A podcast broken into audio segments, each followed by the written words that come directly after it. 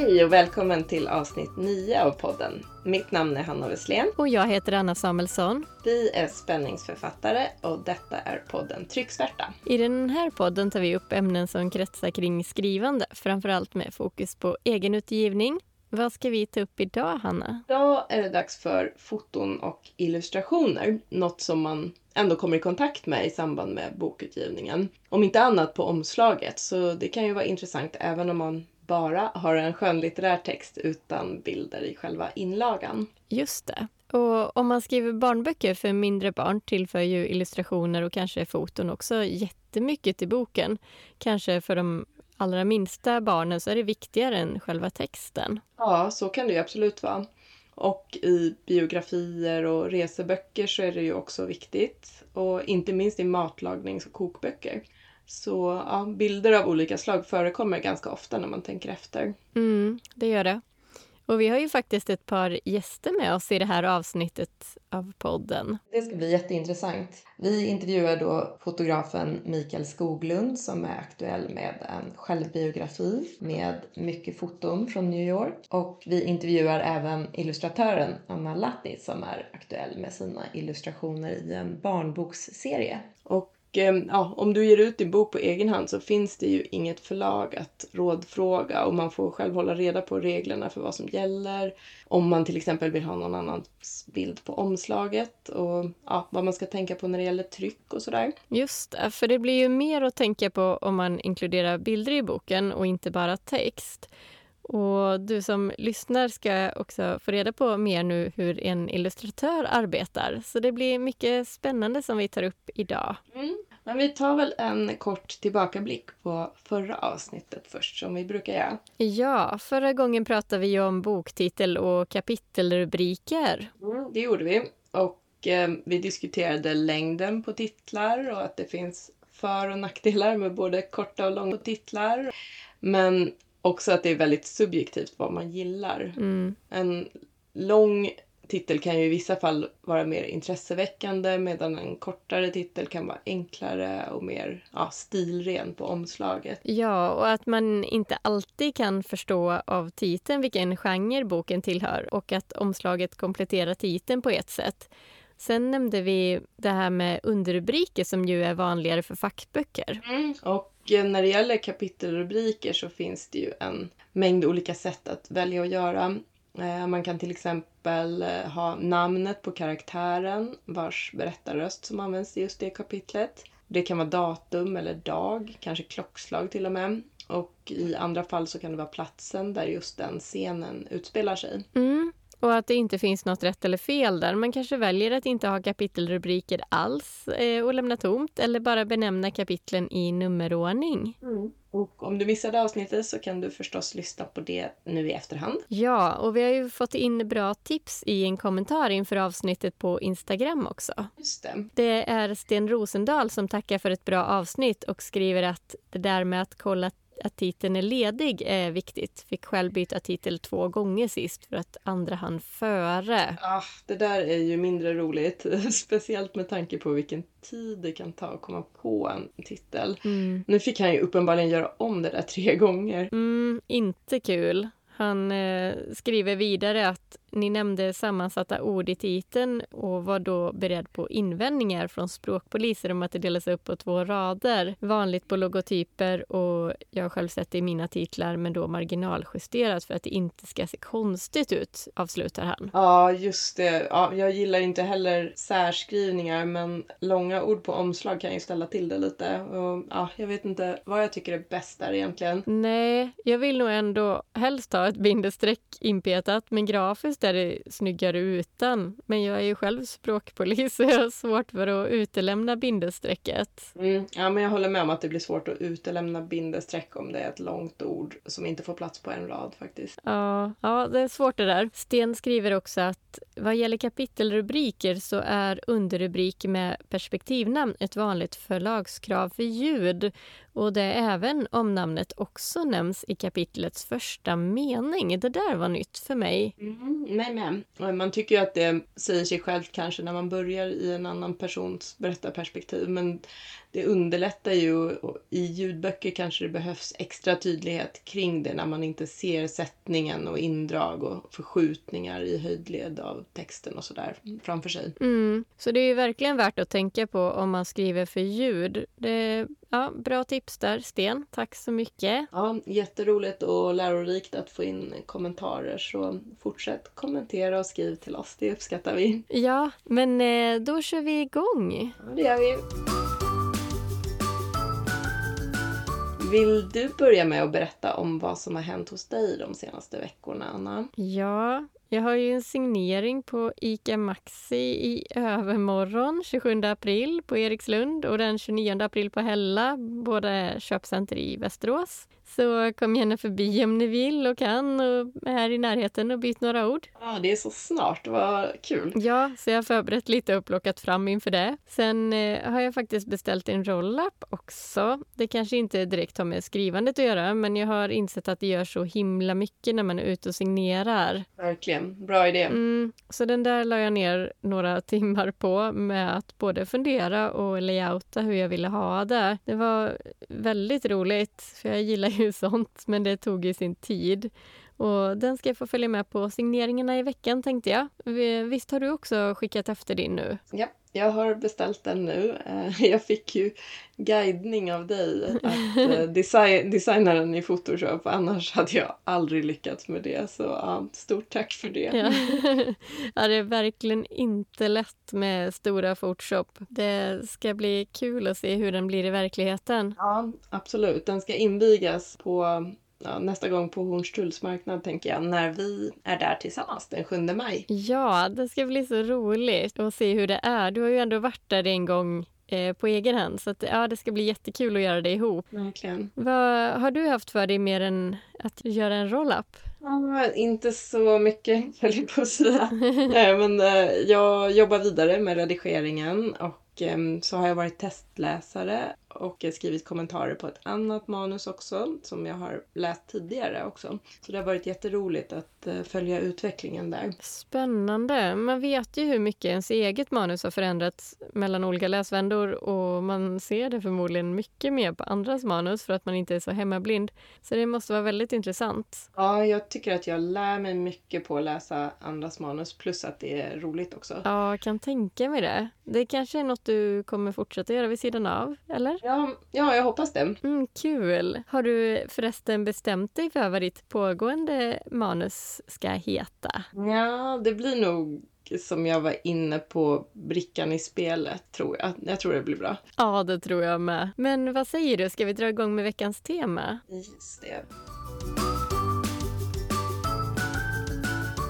Idag ska vi ju ta upp detta med foton och illustrationer. Ja. Vi kanske kan börja med hur vi själva resonerade. Ja, precis. Vi har ju tagit upp en del av det i avsnittet om omslag i praktiken. Men hur gick tankarna när du gjorde ditt omslag? Ja, jag hade ju inga illustrationer eller foton i själva boken, men både foton och illustrationer på omslaget. Dels använde jag foton från en bildbyrå där jag köpte tio pack illustrationer som jag läste reglerna för väldigt noga för att inte råka göra fel. Mm. Ja, men det är ju viktigt. Dels använde jag mina egentagna foton som ju givetvis är helt okej okay att använda och ingen av dessa inkluderar någon riktig person. Så det var alltså ingen som kunde bli igenkänd. Ja, just det. För det är också något att tänka på. Ja, det är ju det. För utifrån det vi har läst så ska man tänka sig för vad som gäller med att ha med personer som kan identifieras på omslaget för att det eventuellt kan räknas som eh, ja, reklamsammanhang med det här omslaget. Ja, nu är inte vi några jurister eller så, eh, men det finns ju en del frågor och svar på nätet kring det här bland annat. Och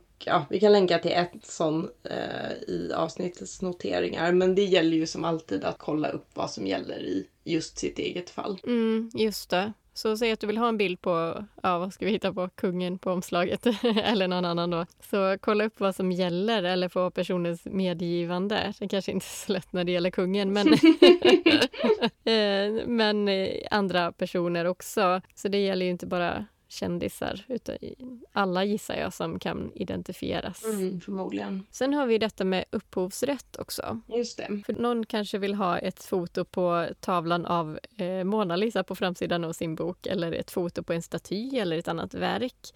Och då gäller det också att veta vad som gäller upphovsrättsligt för det är inte självklart att man får det utan man bör eller måste eh, helt enkelt ha tillstånd att avbilda det som man vill avbilda. Och man brukar ju prata om verkshöjd i fotosammanhang i alla fall. Så det är nog helt enkelt klokt att tänka några varv extra där och jag tror generellt ska man nog akta sig för att ha med bilder på kända varumärken och sånt. Verkligen, speciellt när det finns tusentals andra motiv och bilder som man kan använda istället och som är lagligt att använda. För det är lite snårigt med den här lagstiftningen så det är inte helt självklart även om man försöker läsa vad som gäller. Mm. Det finns ju så kallade stockbilder på olika bildbanker, till exempel på iStock och Shutterstock, Adobe Stock och hur många andra sajter som helst. Ja, du nämnde ju det att du använder sådana, eller hur? Ja, det stämmer. Och det är alltså andra fotografers bilder eller illustrationer som är tänkta att användas till en mängd olika ändamål, till exempel marknadsföring och böcker, tidningsartiklar och så vidare.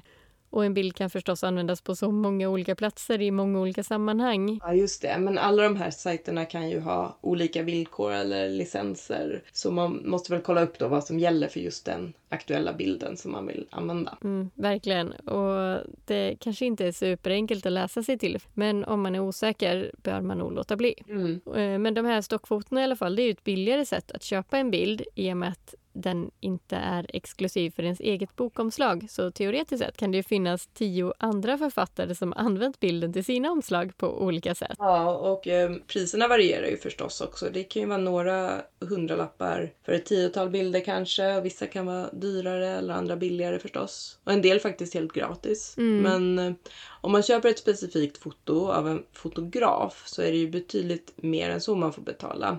Åtminstone om det är någon som försörjer sig på foto. Ja, och fördelen med ett specialtaget foto som inte ligger ute på en bildbank är ju att man kan få vara ensam om att använda det. Kanske skriver du en bok som utspelar sig på en viss gata i Eskilstuna och du behöver verkligen ett foto från just den här gatan. Ja, och just det där fotot kanske inte finns. Eller förmodligen inte då på någon bildbank. Nej, Nej, eller så är det så att det kanske helt enkelt inte är något foto som man tilltalas av på en bildbank. Och nu kanske det är rätt osannolikt för det finns ju säkert hundratusentals att välja på, men ändå. Mm. Och om man nu beställer foto direkt från fotografen bör man ju även där vara noga med att kolla upp vilka regler som gäller.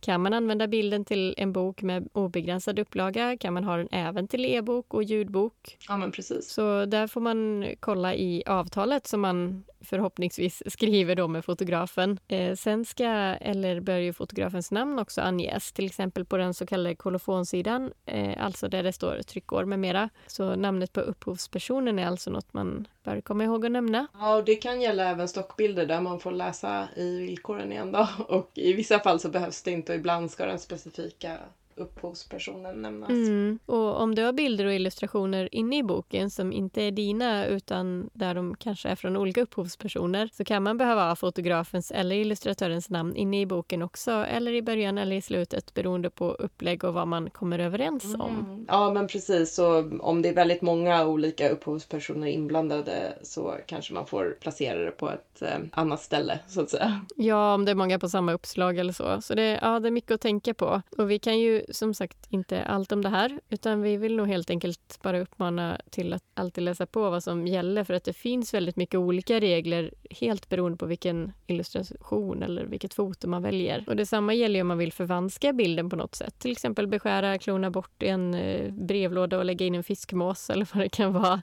Det kanske inte alltid är tillåtet i just den typen av licensiering. Nej, just det. Och något, man, något annat man bör vara medveten om vid foton och illustrationer är ju att man kanske inte får dem i rätt format och måste beskära dem. Och då bör man veta hur man ska göra. Det gäller ju även färgmodell som smyck eller RGB och färgprofiler för tryckeriet. Ja, just det. Det här pratade vi ju en del om i eh, avsnitt fem med omslag i praktiken. Så lyssna gärna på det om du missade det. Ja, och sen har vi ju detta med upplösningen också. Mm, just det, för ja, oavsett hur man skaffar bilden så behöver man ju kontrollera då att upplösningen är tillräcklig. Och den anges ju i eh, dpi, pixlar per tum. Och och då måste den ha ett tillräckligt högt värde. Då. Det här är ju någonting som jag själv inte är så bra på måste jag erkänna. Ja, nej, det är inte så lätt. Jag hade inte utan till kunnat svara på vilken upplösning en bild till ett omslag skulle ha heller. Så om eh, du som lyssnar vill ha en bild och inte känner att du är tillräckligt insatt i detta så är det nog det bästa tipset att fråga någon som är insatt helt enkelt. Eller fråga tryckeriet som eh, förmodligen kan svara. För det är ju synd att få en bild som inte blir snygg i tryck för att upplösningen är för låg. Ja, jag tror att man ofta kan fråga tryckeriet faktiskt, eh, som du sa. Mm. Eller beställa ett provtryck förstås. För man, man vill ju inte ha ett omslag eller en bild i inlagan som ser pixlig ut. Nej, det kan ge ett ganska oproffsigt intryck. Och på bildbankerna brukar upplösningen vara fullt tillräcklig. Men om du har en egentagen bild eller om någon vän har tagit fotot eh, som inte kanske jobbar som fotograf och kan svara på det här så är det värt att lägga några extra minuter på att kolla upplösningen och även att bilden är helt skarp förstås, om den nu inte är eh, avsiktligt oskarp i konstnärligt syfte. Precis. Vi tänkte ju diskutera lite kring vilken typ av foto eller illustration man kan använda också. Ja. Eh, för det varierar ju både med genre, jag tänker om man tänker på omslaget så är det ju mörka foton och illustrationer vanligare till deckare medan ljusare foton lättare kan tolkas som feelgood, tänker jag i alla fall. Mm, mm. Och, och det här med färgen också, eh, vad den förmedlar för någonting. Man får ju titta på bilden och fråga gärna andra personer också hur de tolkar bilden med den aktuella färgen. Eh, jag var ju till exempel med om att andra tolkade ett omslagsförslag som var rött och orange eh, som romantiskt medan jag tyckte att det var dramatiskt. Ja, det är väldigt individuellt. Eh, och om man har en bild där man har rätt att ändra färgskala kan det ju vara ett alternativ om det funkar med fotot eller illustrationen i övrigt. Precis.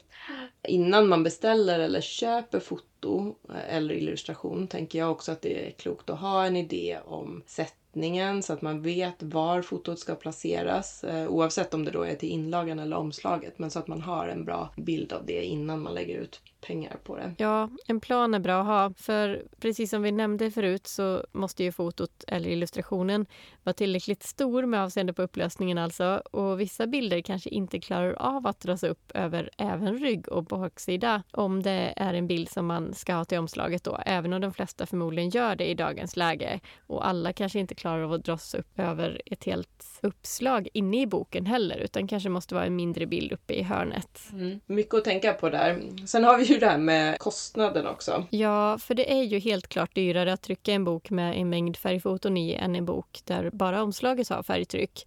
Och jag gissar att det inte bara beror på mängden färg utan också tryckteknik och att det krävs en annan typ av papper för att färgerna ska framhävas bra. Mm, precis. Ingen av oss två har ju gett ut en bok med färgbilder inuti boken så det blir ju intressant att höra mer om det i intervjuerna tänker jag. Ja, och i och med den ökade kostnaden för bilderna i böckerna så kan man behöva trycka en större upplaga jämfört med vad man skulle gjort med bara text för att få ner priset till något som är ja, rimligt och som går att sälja den för. Mm, så kan det säkert vara om man väljer att trycka en upplaga. Och ja, vi kommer faktiskt redan i nästa nästa avsnitt är det va? Att eh, prata mer om vad en bokutgivning kostar. Mm. Och kostnaden påverkas ju förstås av om det är en svartvit inlaga eller färgtryck. Ja, och kvalitetsmässigt. Jag vet inte om jag är lite i närheten av yrkesskada men jag tänker att det är mycket känsligare att eh, bli bra tryck på bilder än på bokstäver. Eller i alla fall personligen så ser jag större skillnad mellan ett dåligt och ett bra tryck i fotosammanhang jämfört med vad jag skulle se skillnad på en bättre och en sämre svartvitt tryck med text.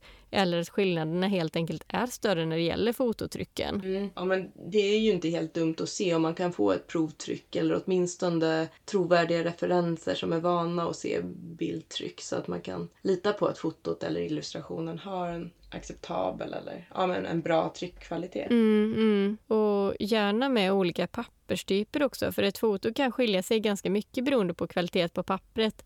Om det till exempel är bestruket eller obestruket och hur tjockt det är och även glansigheten. Ja, just det.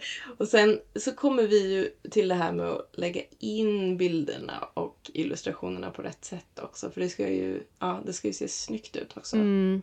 Och det är inte säkert att skärmen speglar hur det ser ut i tryck. Det är ytterligare en anledning till provtryck i det här fallet. Alltså inte bara kolla hur det blir på olika papper utan jämföra till exempel nyansmättnad och ljushet mellan skärmen och det faktiska trycket. Ja, ja det är ju inte alla som kalibrerar sina skärmar eller vad man ska säga. Nej. Jag har definitivt aldrig gjort det. Och Ehm, ja, det är nog ganska få om man inte jobbar med något inom formgivning eller foto eller design eller så. Ja, jag tror det också. Så om du inte vet hur man gör eller om din skärm är okej okay, eh, så ta hjälp. Och det är heller inte helt givet vad man ska lägga in bilderna i boken eller i vissättningen då för att det ska se bra ut och hur många bilder eller illustrationer per sida som man bör ha. Nej, precis. Men det finns ju duktiga formgivare att eh, anlita. Det mm. gör ju det, som är vana att se vad som blir snyggt och inte. Och nu ska vi faktiskt prata med några som är väldigt duktiga på det här med färg och form. För vi har ju faktiskt inte bara en, utan två gäster idag. Ja, och eh, först ut så har vi Mikael Skoglund.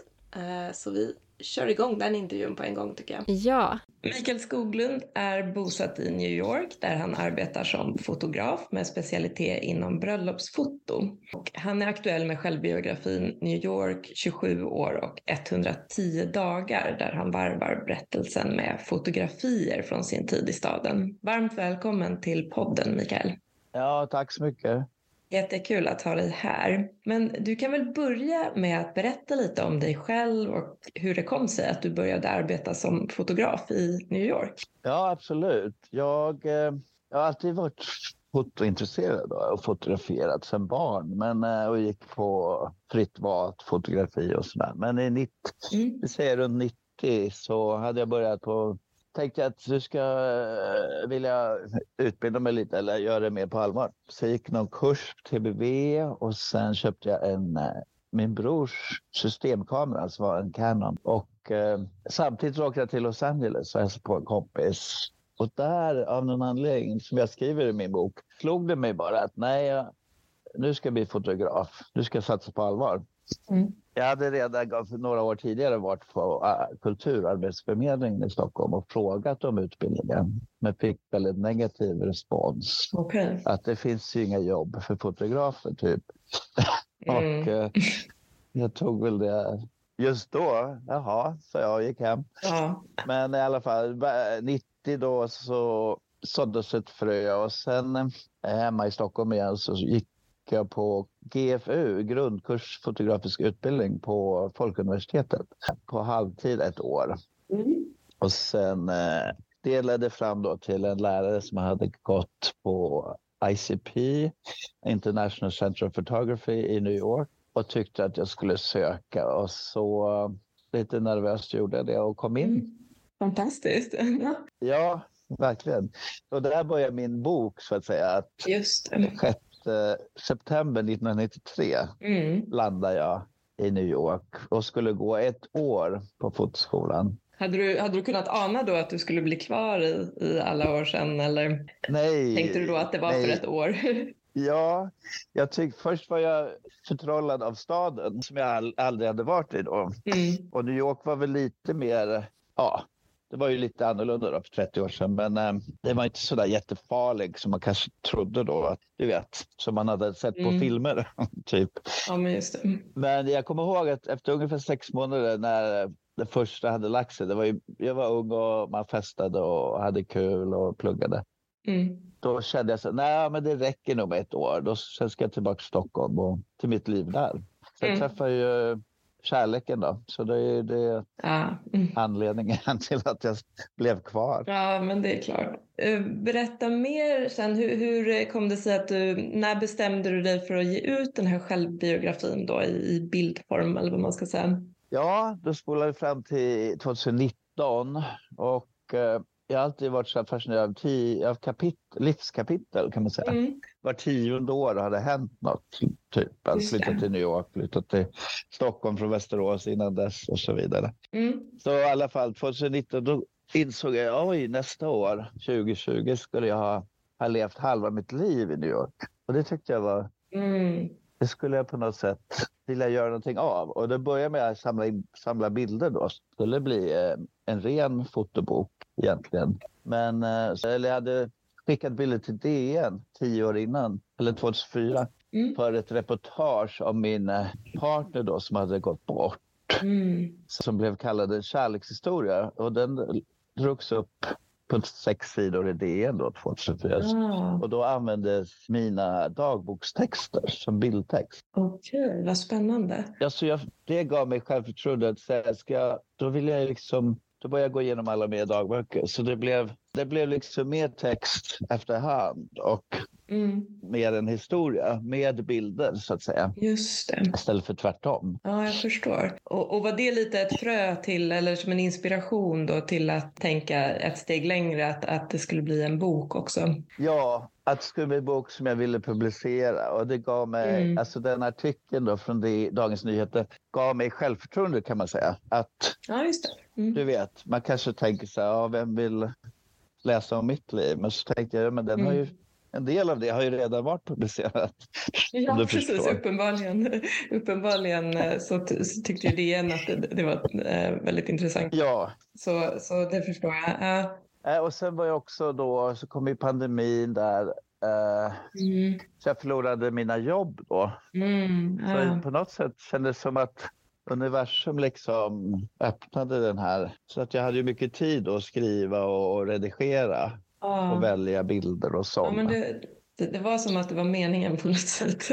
Ja, eller hur? Har du skrivit mycket också? Du nämnde dagboksanteckningar där. Har du skrivit, eh, utöver att fotografera, har det varit ett intresse eller hur gick du då tillväga för att eh, skriva själva texten i boken under 2020 där? Ja, jag har gjort försök under åren, eller försök, jag, jag tyckte om att skriva. Mm. Jag har haft blogg, jag hade blogg fyra år och då skrev jag nog ganska dagligen. Just det. Och sen dagboksanteckningar var skrivna som brev till mitt framtida själv, om du förstår vad jag menar. Ja, jag förstår. Vad intressant att skriva på det sättet. Det var små berättelser. Ja. Så att egentligen själva den här boken var ju, processen var väldigt manuell och jag fotograferade dagbokssidorna som jag skulle ha med. Mm. Och sen fick jag transkribera dem då till uh, Word eller Pages som jag har. Mm. Och så vidare. Så det var ganska Just det omständlig sådär. Men ändå, ju mer jag höll på, ju mer blev jag... Och, och la till då från minnet. Ja. Uh, lite mer förklarande för de som inte känner till hela historien så att säga. Ja, precis. Och jag kan tänka mig, även om det är tidskrävande och manuell process så kanske som en del i den processen så kommer man på nya saker också kanske. Ja. Medan man sitter och arbetar med det så att säga. Absolut. Och bara tillägga att för mig insåg jag efteråt att det var som en terapi.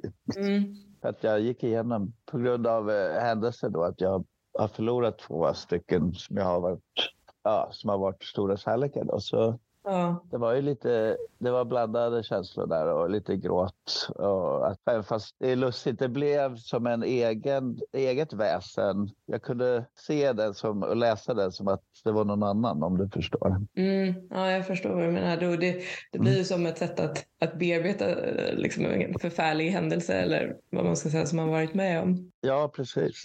Ja.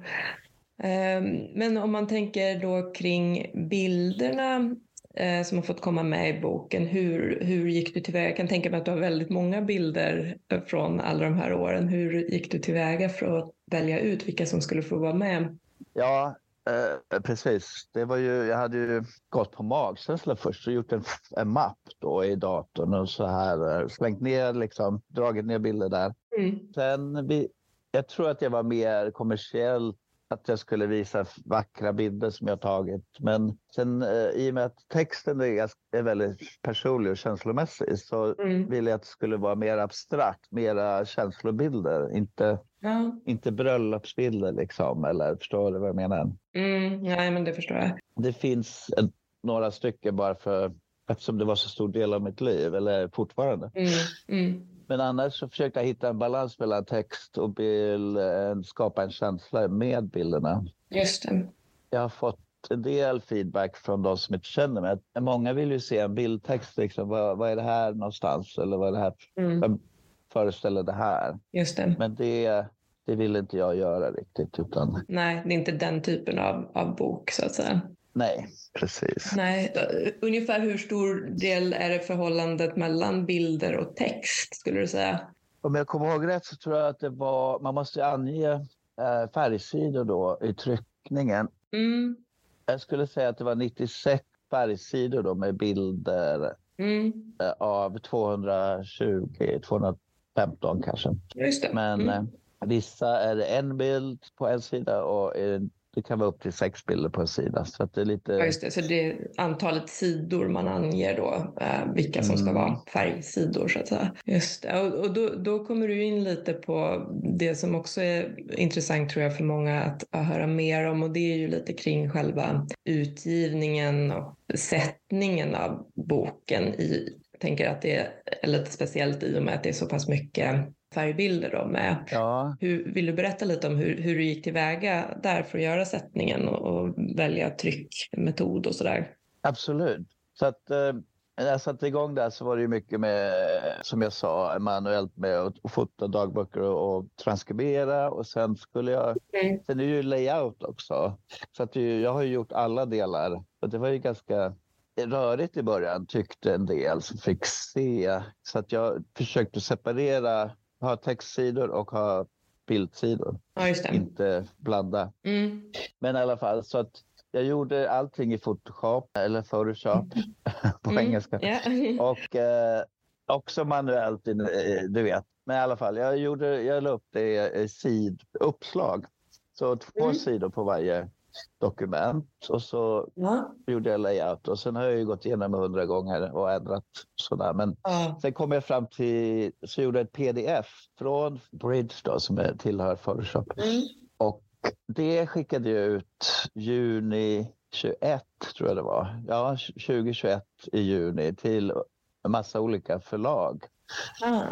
Och fick faktiskt ganska bra respons, men det var inget napp. Mm. eh, Att det var ingen som vågade satsa på...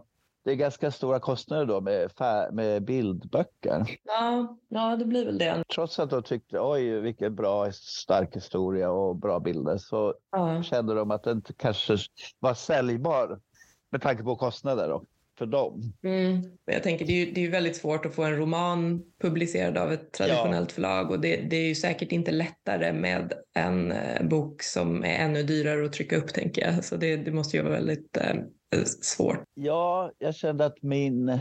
Jag tänkte på den som en hybrid. Mm. Att det är en äh, självbiografi med en illustrerad.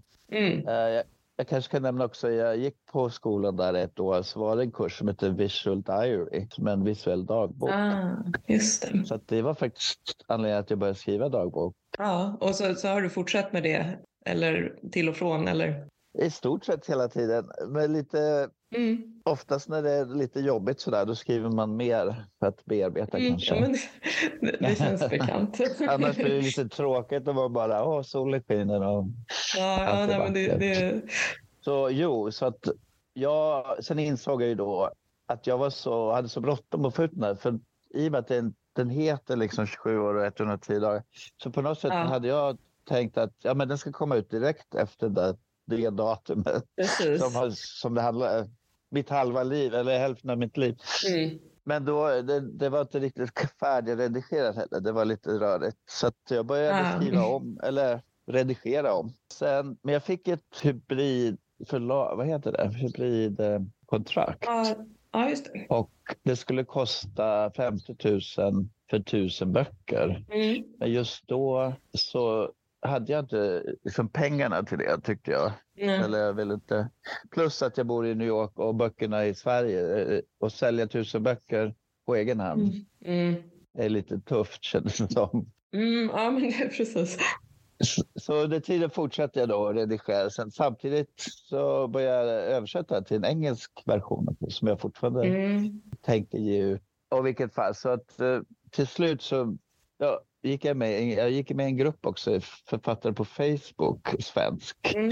och fick massa jättebra tips och råd. Så att jag landade i att jag skulle ge ut den själv på ett företag som heter bod.se, Books on Demand. Ja, men just det. Ja, men de har jag hört om. Och där var det en ganska enkel process, men eh, då jag fick ju göra ett pdf som för inlagan och ett för bokomslaget och sen tryckte de Mm.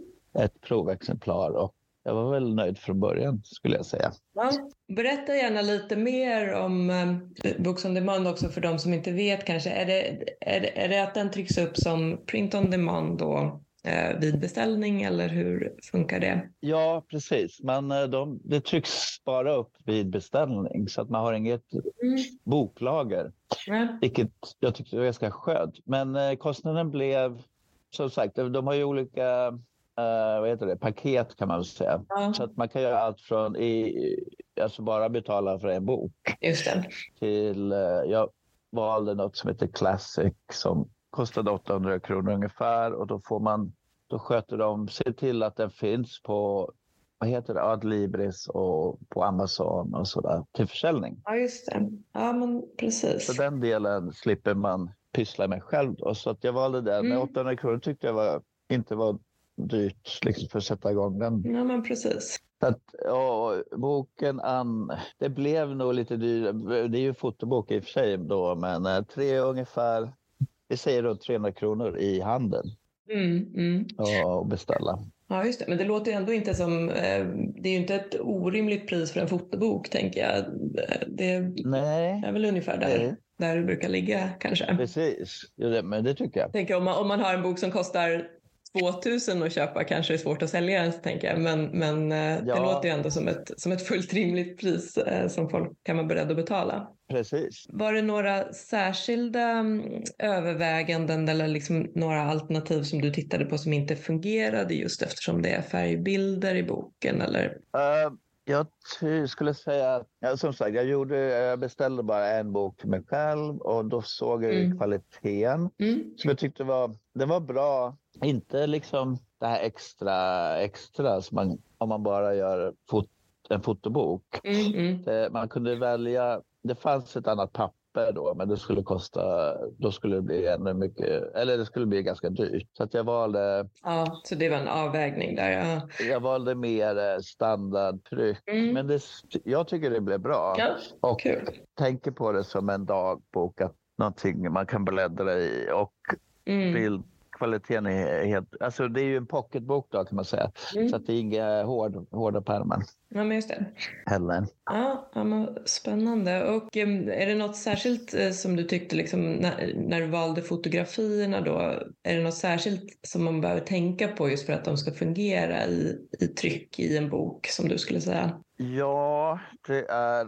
Måste jag ha min lilla bok här? Titta. Ehm, ja, alltså jag är van med Photoshop och eh, Mm. vad heter det? Monitor, kalibrering och sådär. Ja, men just det. Det, det är klart, det kanske, kanske inte är särskilt svårt för dig att arbeta i Photoshop och så. Det, det tänker jag att du är ganska van vid. Ja, Det kanske är just sättningen då, om man inte, om man inte är van eh, att arbeta med foton så är det väl kanske sättningen som är svår delvis, tänker jag. ja det, absolut. Och så jag tittar, Mm. det är så svarta, svarta partier blir lite gryniga sådär i det här, i min Mm. bok. Just det. Men jag tycker inte, som sagt, det, var inte mer, det är mer en eh, berättelsen och bilderna Mm. följer med som eh, ja, små berättelser också kan man ju säga. Ja, ja, men precis. En illustration av berättelsen.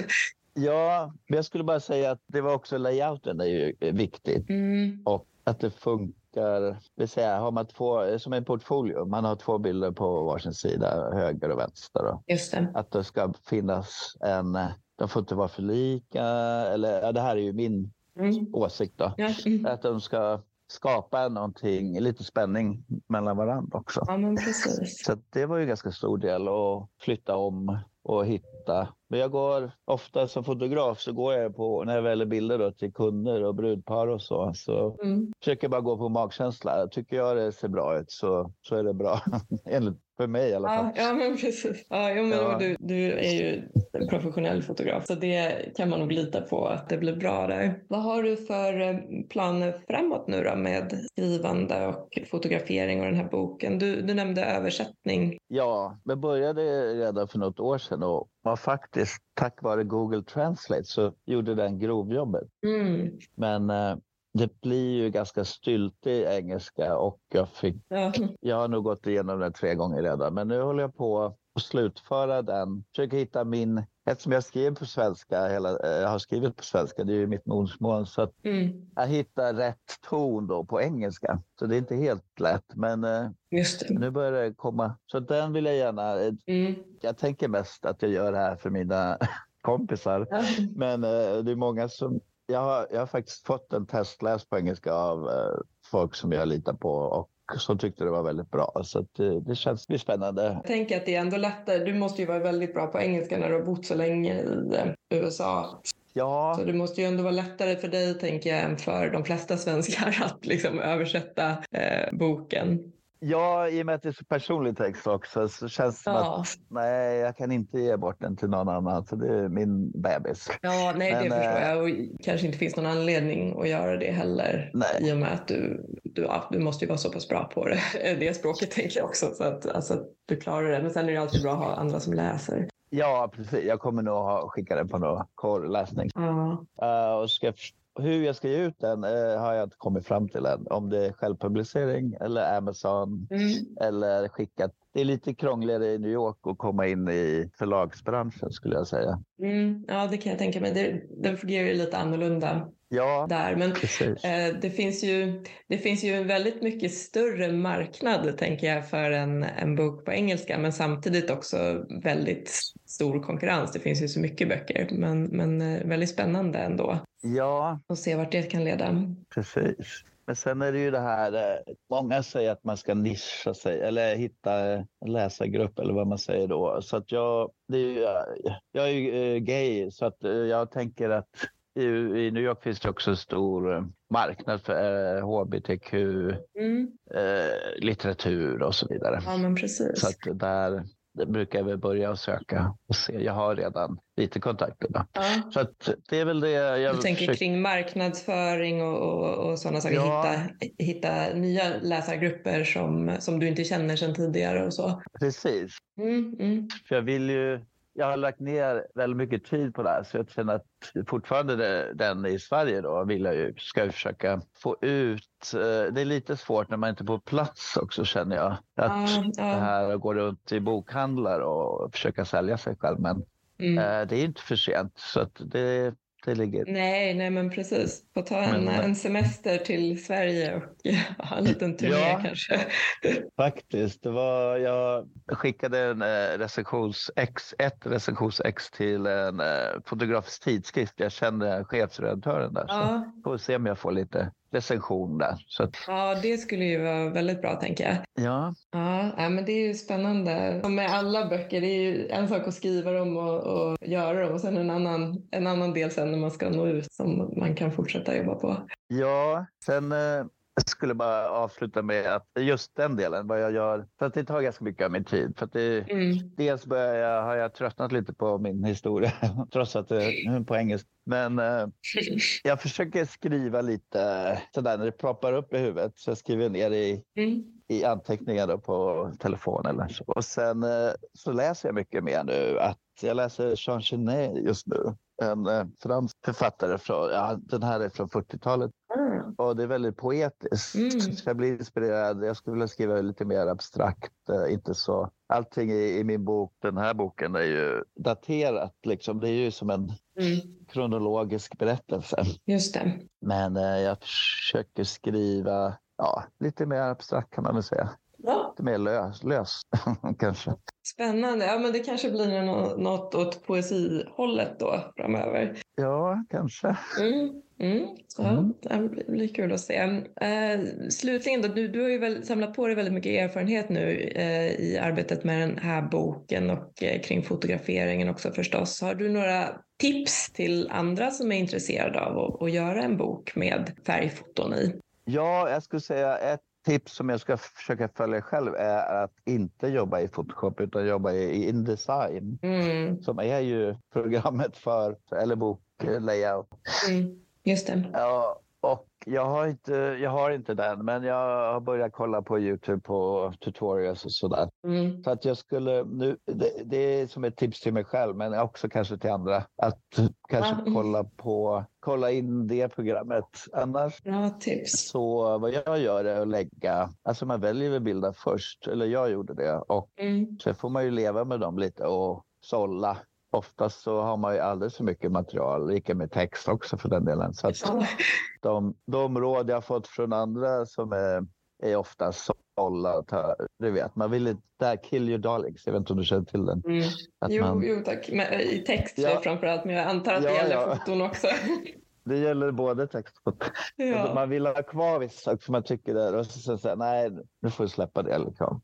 och det Mm. kan ju vara foto Ja. och det kan vara text. ja, men precis. Men eh, ja, har jag några andra råd? Det vet jag. Ja, man, eh, jag använder ju Photoshop och det gick ju bra det också. Det är lite mera Mm. pill, lite mer manuellt då. Skriva in sidonummer till exempel. Det fick jag göra. Ja, just det. Ja, men precis. 220 sidor fick jag skriva. Liksom. Fast jag... Det gäller att hålla Att- ordning på numren då. Ja, att, men eh, min hjärna funkar lite så att jag, ja, ordning och reda. Men det tar lite tid. Ja, Så, ja men precis. Och det, det- ibland kan det ju vara lättare att jobba i ett program som man känner väl. Även om det egentligen finns ett annat program som, som passar ännu bättre så kan det kanske ta längre tid. Men, men Ja. Indesign har jag ju också hört eh, att de flesta gör själva sättningen i. Sen har jag i och för sig förstått på omslag att det är vanligt att man kanske gör bildbehandling i Photoshop och sen sätter själva liksom strukturen och texten och så Indesign har jag hört. ja, Men jag är själv inte duktig på något av de programmen. ja, ja, jag gjorde kanske tio, ja, minst tio olika bokomslag för mig Mm. själv där och försökte. Det var ganska svårt tyckte jag, att, för att det är en viktig del av en bok. Man vill ju att det ska liksom ja, poppa upp sådär, att folk ska ta upp den och eh, vad är det här för något? ja, men precis. Ja, men den blev ju väldigt snygg i alla fall tycker jag. Jag Ja, vad såg kul. omslaget där. Ja. Tack. Det inbjuder till eh, läsning. Ja, det och baksidestexten tänkte jag, ja, det la jag mycket. Mm. Men eh, ja, till slut så får man ju, ja, man får lägga av. Ja, men precis. Eller- Någonstans måste man bli, eh, bli klar. Bli klar, ja precis vad det jag ska säga. Ja, tack så jättemycket Mikael. Det var väldigt intressant att höra om hur du har arbetat med den här boken och jättebra tips också som du delar med dig av. Så ja, stort tack för att du ville vara med och eh, lycka till med boken. Tack, tack och tack för att jag fick vara med i er podd. Jättekul. Ja, vilken erfarenhet att ha flyttat till New York och, och bo där så länge och vilka kontraster det måste vara. Jättekul att lyssna till intervjun tycker jag. Ja, det var verkligen roligt att prata med honom. Det fanns så mycket att plocka upp från den intervjun till det här avsnittet också. Mm, Det första som slog mig var det här han berättade om ja, men den här studievägledaren eller vad det var för någonting som, som sa till honom att det inte var möjligt att försörja sig som fotograf. ja, och så har han gjort det i 30 år. Ja, Jag, jag tror att det är vanligt bland ja, men alla kreativa yrken. Man hör så mycket om hur omöjligt det är. Och, ja, visst, jag säger absolut inte att det är enkelt, men eh, Mikaels historia visar ju hur viktigt det är att inte lyssna på de där rösterna som säger att något inte går. Han vågade liksom satsa på sin dröm och har lyckats med det. Ja, väldigt inspirerande. Det är viktigt att de här framgångssagorna lyft fram också inte bara negativa kommentarer från omgivningen. Ja, men verkligen. Var det något särskilt som du tog med dig?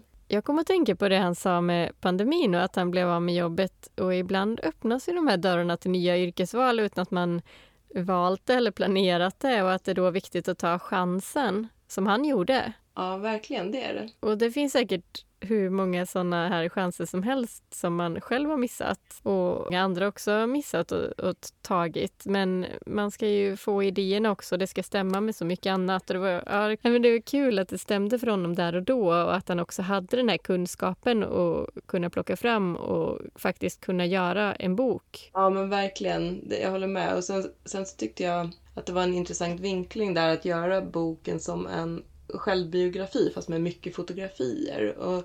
Den har ju både en gripande historia om hans två kärlekar i New York då baserat på dagboksanteckningar varvat med de här vackra bilderna från staden. Ja, precis. En annorlunda vinkling på en självbiografi. Det är jätteroligt att han kombinerar det på det viset. Mm. Och så tyckte jag det var klokt också som han hade gjort att um, utvärdera olika alternativ till hur han skulle publicera boken och trycka boken. Mm. Och sen så valde han det som passade bäst för just hans bok och förutsättningar just då. Det är ju viktigt att jämföra tror jag eftersom det finns verkligen, ja, det finns verkligen både för och nackdelar med olika tillvägagångssätt. Och ja, i det här fallet så gjorde han då bedömningen att det passade bättre att inte ha ett stort lager av böcker med press på att sälja dem för att få tillbaka sin investering. Och ja, särskilt eftersom han inte är bosatt i Sverige så, så låter ju det rimligt. Ja, precis. Och nu ska vi faktiskt gå vidare direkt till nästa intervju om hur en illustratör arbetar. Med oss har vi Anna Lati som eh, tidigare illustrerat böcker med författaren Birgitta Ekman och nu illustrerar ihop med författaren Cecilia Lundell. Och de är aktuella med tredje boken om kaninfamiljen, Resan till Plasklandet.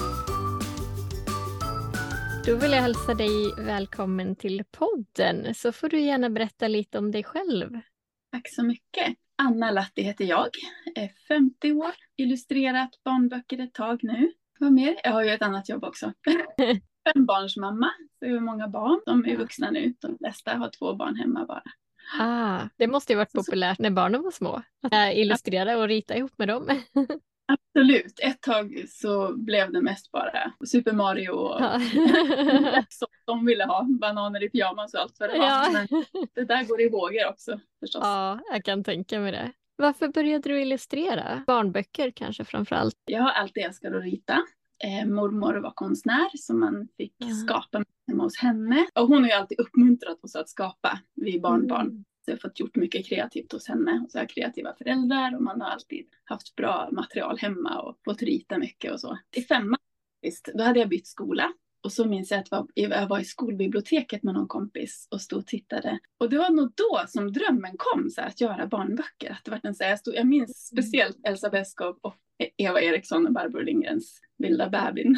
Ja. Man bara så, så här, tänk att kunna göra något sånt här. Och det var som då var det en liten tanke, här, man bara, att det här vill jag göra någon gång i livet. Vad kul! Ja, Då har du det i generna och också det här. ja, Och i släkten. Ja, mm. Och sen mormor har alltid också varit en sån som har frågat mig. Som tonåring så var det kanske att jag inte ritade lika mycket. Men då minns jag en att man, när man kom till mormor så var hon så hon bara Anna, ritar du någonting nu för tiden då? Så där. Och man bara ja. så, här. Så kommer en mormors hand på min axel när hon tittade mig i ögonen och så sa hon så här, Anna, du förvaltar väl din gåva? Och det kommer jag än ihåg att det var som en liten så här, "Åh, okej just det, jag, jag, ska, jag ska ta vara på det här liksom. Vad roligt och nu har du verkligen gjort det. Ja, ja men det har ju blivit så med åren. Ja, du har illustrerat två böcker som du har gett ut ihop med en författare Precis, och är inne Cissi. på din tredje har jag förstått det som. Ja, det stämmer. Så Sissi, en kompis till mig, hon bor ju bara några hus bort här. Mm.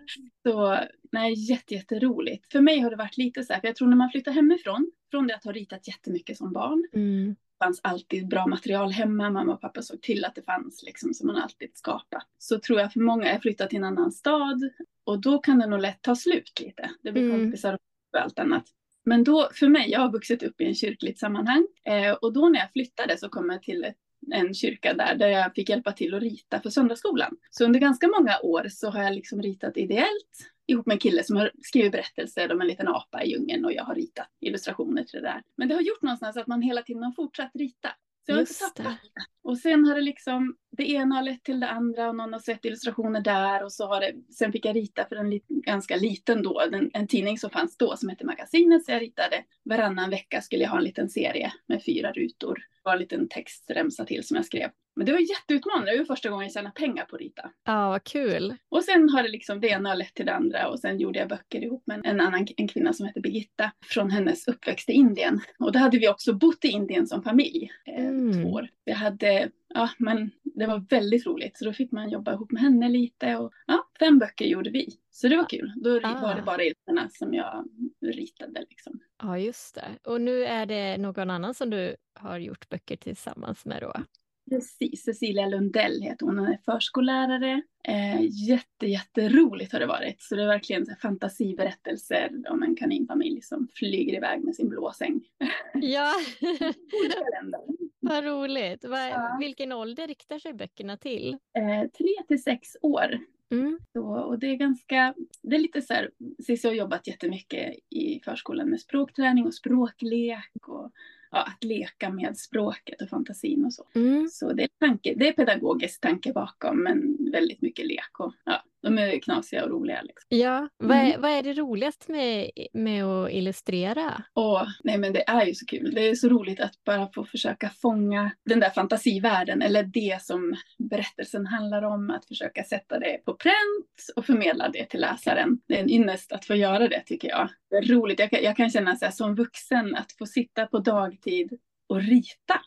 Mm. Det har ju alltid varit min hobby som jag har gjort sådär vid sidan av. Och nu har jag kunnat avsätta mer tid till det. Det är så lyxigt att bara få sitta och skapa. Så ja, det måste vara jättehärligt. Ja, det är det ju, verkligen. Men hur tar man sig an ett sånt här uppdrag? Är det att du får en berättelse och sen ritar du till den eller gör ni det tillsammans, kommer fram till vad som ska hända? Eller hur funkar det? Precis. Nu när jag har jobbat med Sissi så har vi jobbat väldigt nära. Tidigare har det varit, jag har bara fått ett färdigt bokmanus och så har jag liksom fått i uppdrag att illustrera till det här mm. på ett mm. visst antal sidor. Eh, men nu, jag och Sissi har jobbat jättenära så vi har liksom, man jobbar för varje, jobba igenom hela berättelsen och vart sidbrytningen ska vara och vad det ska vara överraskningseffekter när man bläddrar och sådär. Just när det är bilderböcker så är det ju viktigt med bilderna och att det hamnar rätt på mm. sidorna och sådär. Så hon har varit jättedelaktig i vad behöver synas på det här uppslaget? För det är också svårt. Det är ju ganska begränsat format med en bilderbok, för det är ju typ 13 uppslag. Ja. Ehm, och då ibland så kan man känna att man skulle vilja få med så mycket mer än det man får med på sidan. Mm. För det rymmas text där också. Ja. Men jätte, jättekul har det varit att jobba med Cissi. Vi har verkligen spånat mycket tillsammans och ibland har en historien ändrats lite utifrån hur det funkar. Liksom. Ja, just det. Ja, Men vad är den största utmaningen med det då? Att, eh, att illustrera när någon annan skriver, när du inte ja. skriver själv? Jag tycker att det är jättekul med fantasi och jag tycker det är så roligt att få ta del av Liksom. Men jag är ju inte inne i Cissis huvud. Jag kan ju inte se hur hon föreställer sig vissa av de här sakerna. Men hon har gett mig ganska fria tyglar och ibland så spånar man lite och kan det vara så här, kan det vara så här och hon är jättesupportive och uppmuntrande och helt fantastiskt kul har det varit. Men det är ju en utmaning att få ner det, så att säga som författaren vill. För det är viktigt att hon känner att det här är ändå det. Det ska ju vara den boken hon har gjort. Det ska inte vara något annat. Slutresultatet måste ju vara något hon är nöjd med. Ehm, så det, ja. det kan vara utmanande. Och just det här med att det är begränsat med sidoantal. Liksom, ja, det ryms inte mycket som helst på en sida. Nej, just det. Men den här figuren borde också synas här som ser lite förvånad ut. Mm. Eller? och så, ja, så får man bolla fram och tillbaka. Men um, ja, det kan vara utmanande. Ja, just det. Eh, gör du grunden med penna och papper och sen gör det digitalt efteråt jag eller hur funkar det? Ingenting digitalt utan eh, jag är jätteanalog. Ah. jag är på stenåldern har mina barn berättat.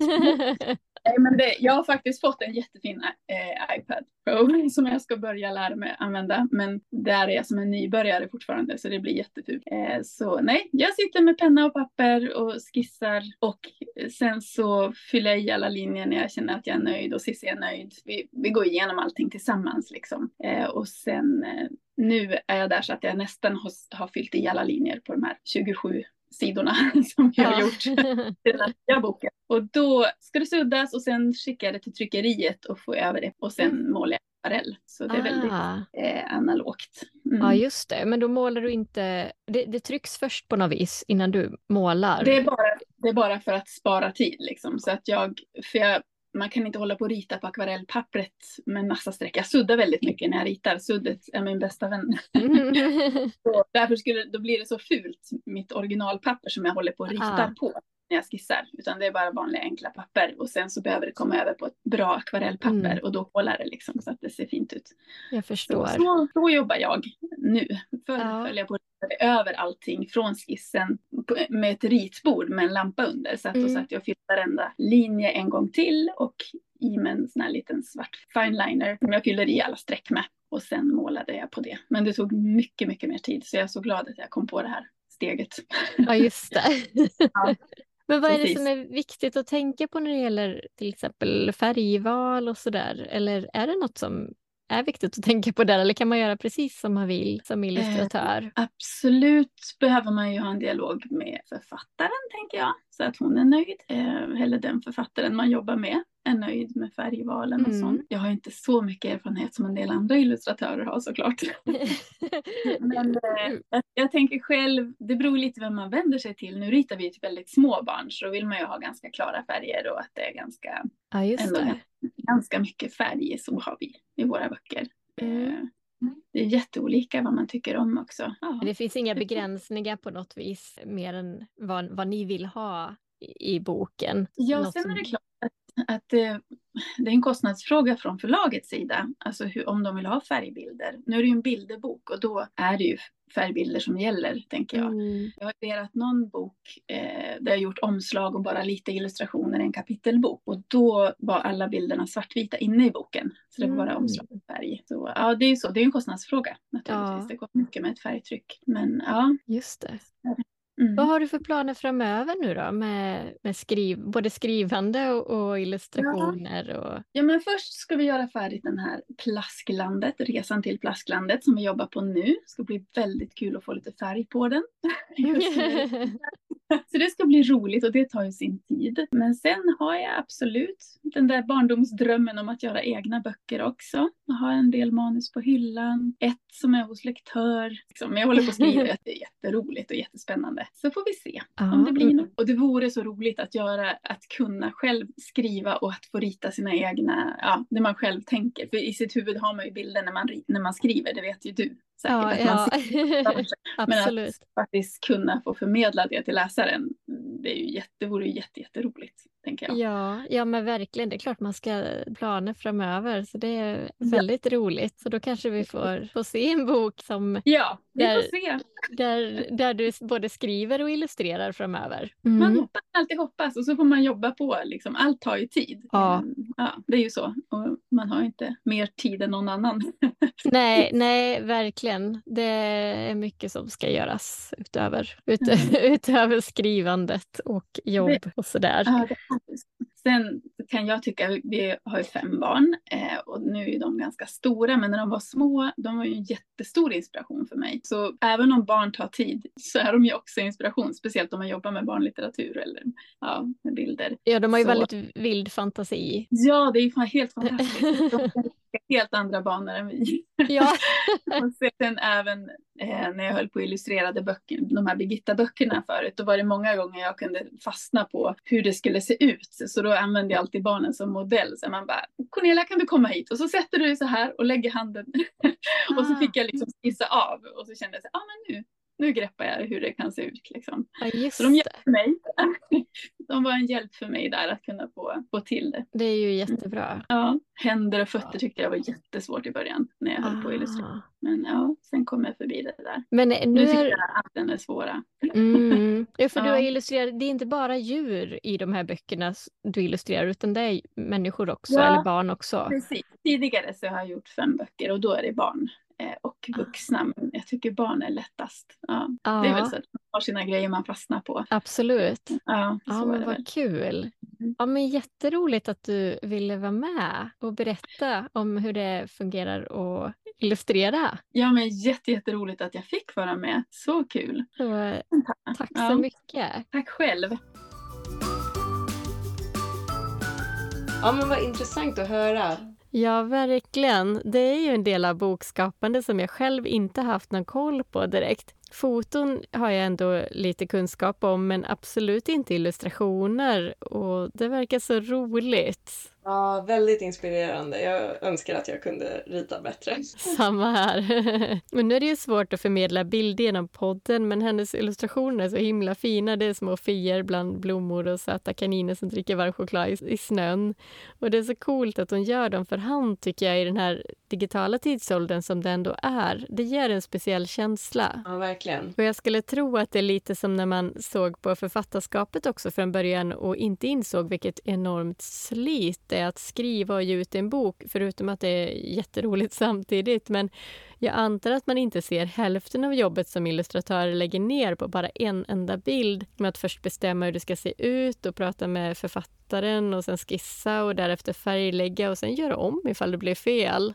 Ja, men jag tänker att eh, man, precis som vid skrivandet efter en stund kan bli lite trött på ett avsnitt i manuset eller en, en bild då i illustratörens fall och att man vill komma vidare. Liksom. Hon sa ju det att hon såg fram emot att se de bilder hon arbetar med just nu i färg snart. Ja, det måste vara precis samma sak där. Man vill se sina bilder och sin text färdiga. Och när det gäller bilder att man då vill se dem i färg och när det gärder text att man då vill se den färdigredigerad och sen tryckt i boken förstås. Var det något mer du tänkte på där? Ja, men jag tyckte det var väldigt intressant där eh, som hon berättade om sin mormor som var konstnär och att hon på så vis fick växa upp med konsten och skapandet i hemmet. Det tror jag betyder mycket. Och också för att man ska våga tro på att det går att göra någonting av det. Ja, det tror jag också. Att man uppmuntras som liten att rita, skriva eller skapa på andra sätt. Mm, precis. Och sen nämnde hon ju också att det var perioder när hon var yngre och kanske nyss hade flyttat hemifrån där hon ja, ritade mindre. Och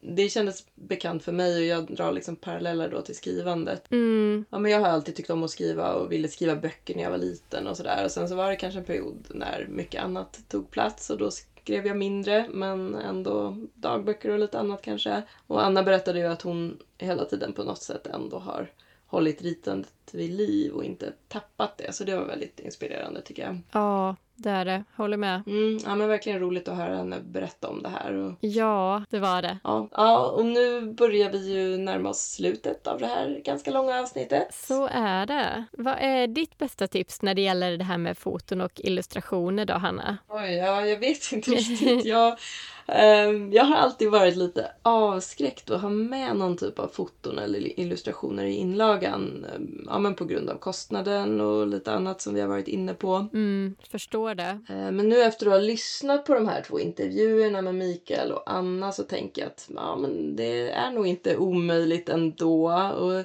I den trilogin som jag arbetar med nu så är det nog inte aktuellt att ha något i inlagan. Men för senare projekt som jag har liksom lösa idéer om så ja, kanske. Mm. Det är ju väldigt fint med kartor och sånt. Ja, och i fantasyböcker och så, så tillför ju kartor till exempel väldigt mycket. Absolut. Och det finns ju både i, absolut i fantasy men även andra genrer har jag ju sett eh, ha med kartor ibland och det, det är trevligt på något sätt. Är det inte den här eh, där kräftorna sjunger till exempel har ju en karta i början där som är ganska Ah, spännande. Så, ja, så att eh, nu, nu fladdrade jag iväg här lite men, men mitt, mitt tips är nog att, ja, men att inte avfärda tanken på att ha foton och illustrationer i inlagan. håller med. Det är ja, bra idé att ha det i bakhuvudet. Mm. Vad vill du lyfta när det gäller foton och illustrationer? Jag skulle nog råda att tänka över vilka bilder och illustrationer man vill ha med i sin bok. För det räcker kanske inte med att det är en fin bild, utan det ska ju tillföra något också och ha med handlingen eller texten att göra. Mikael nämnde ju också lite kring detta. Ja, men just det. För det är ju svårt att välja foton för man har oftast en extrem mängd foton om man fotat digitalt några år och är intresserad av det. Vi har haft planer själv på att göra en bok som inkluderar mina egna foton men det ligger några år framåt i tiden.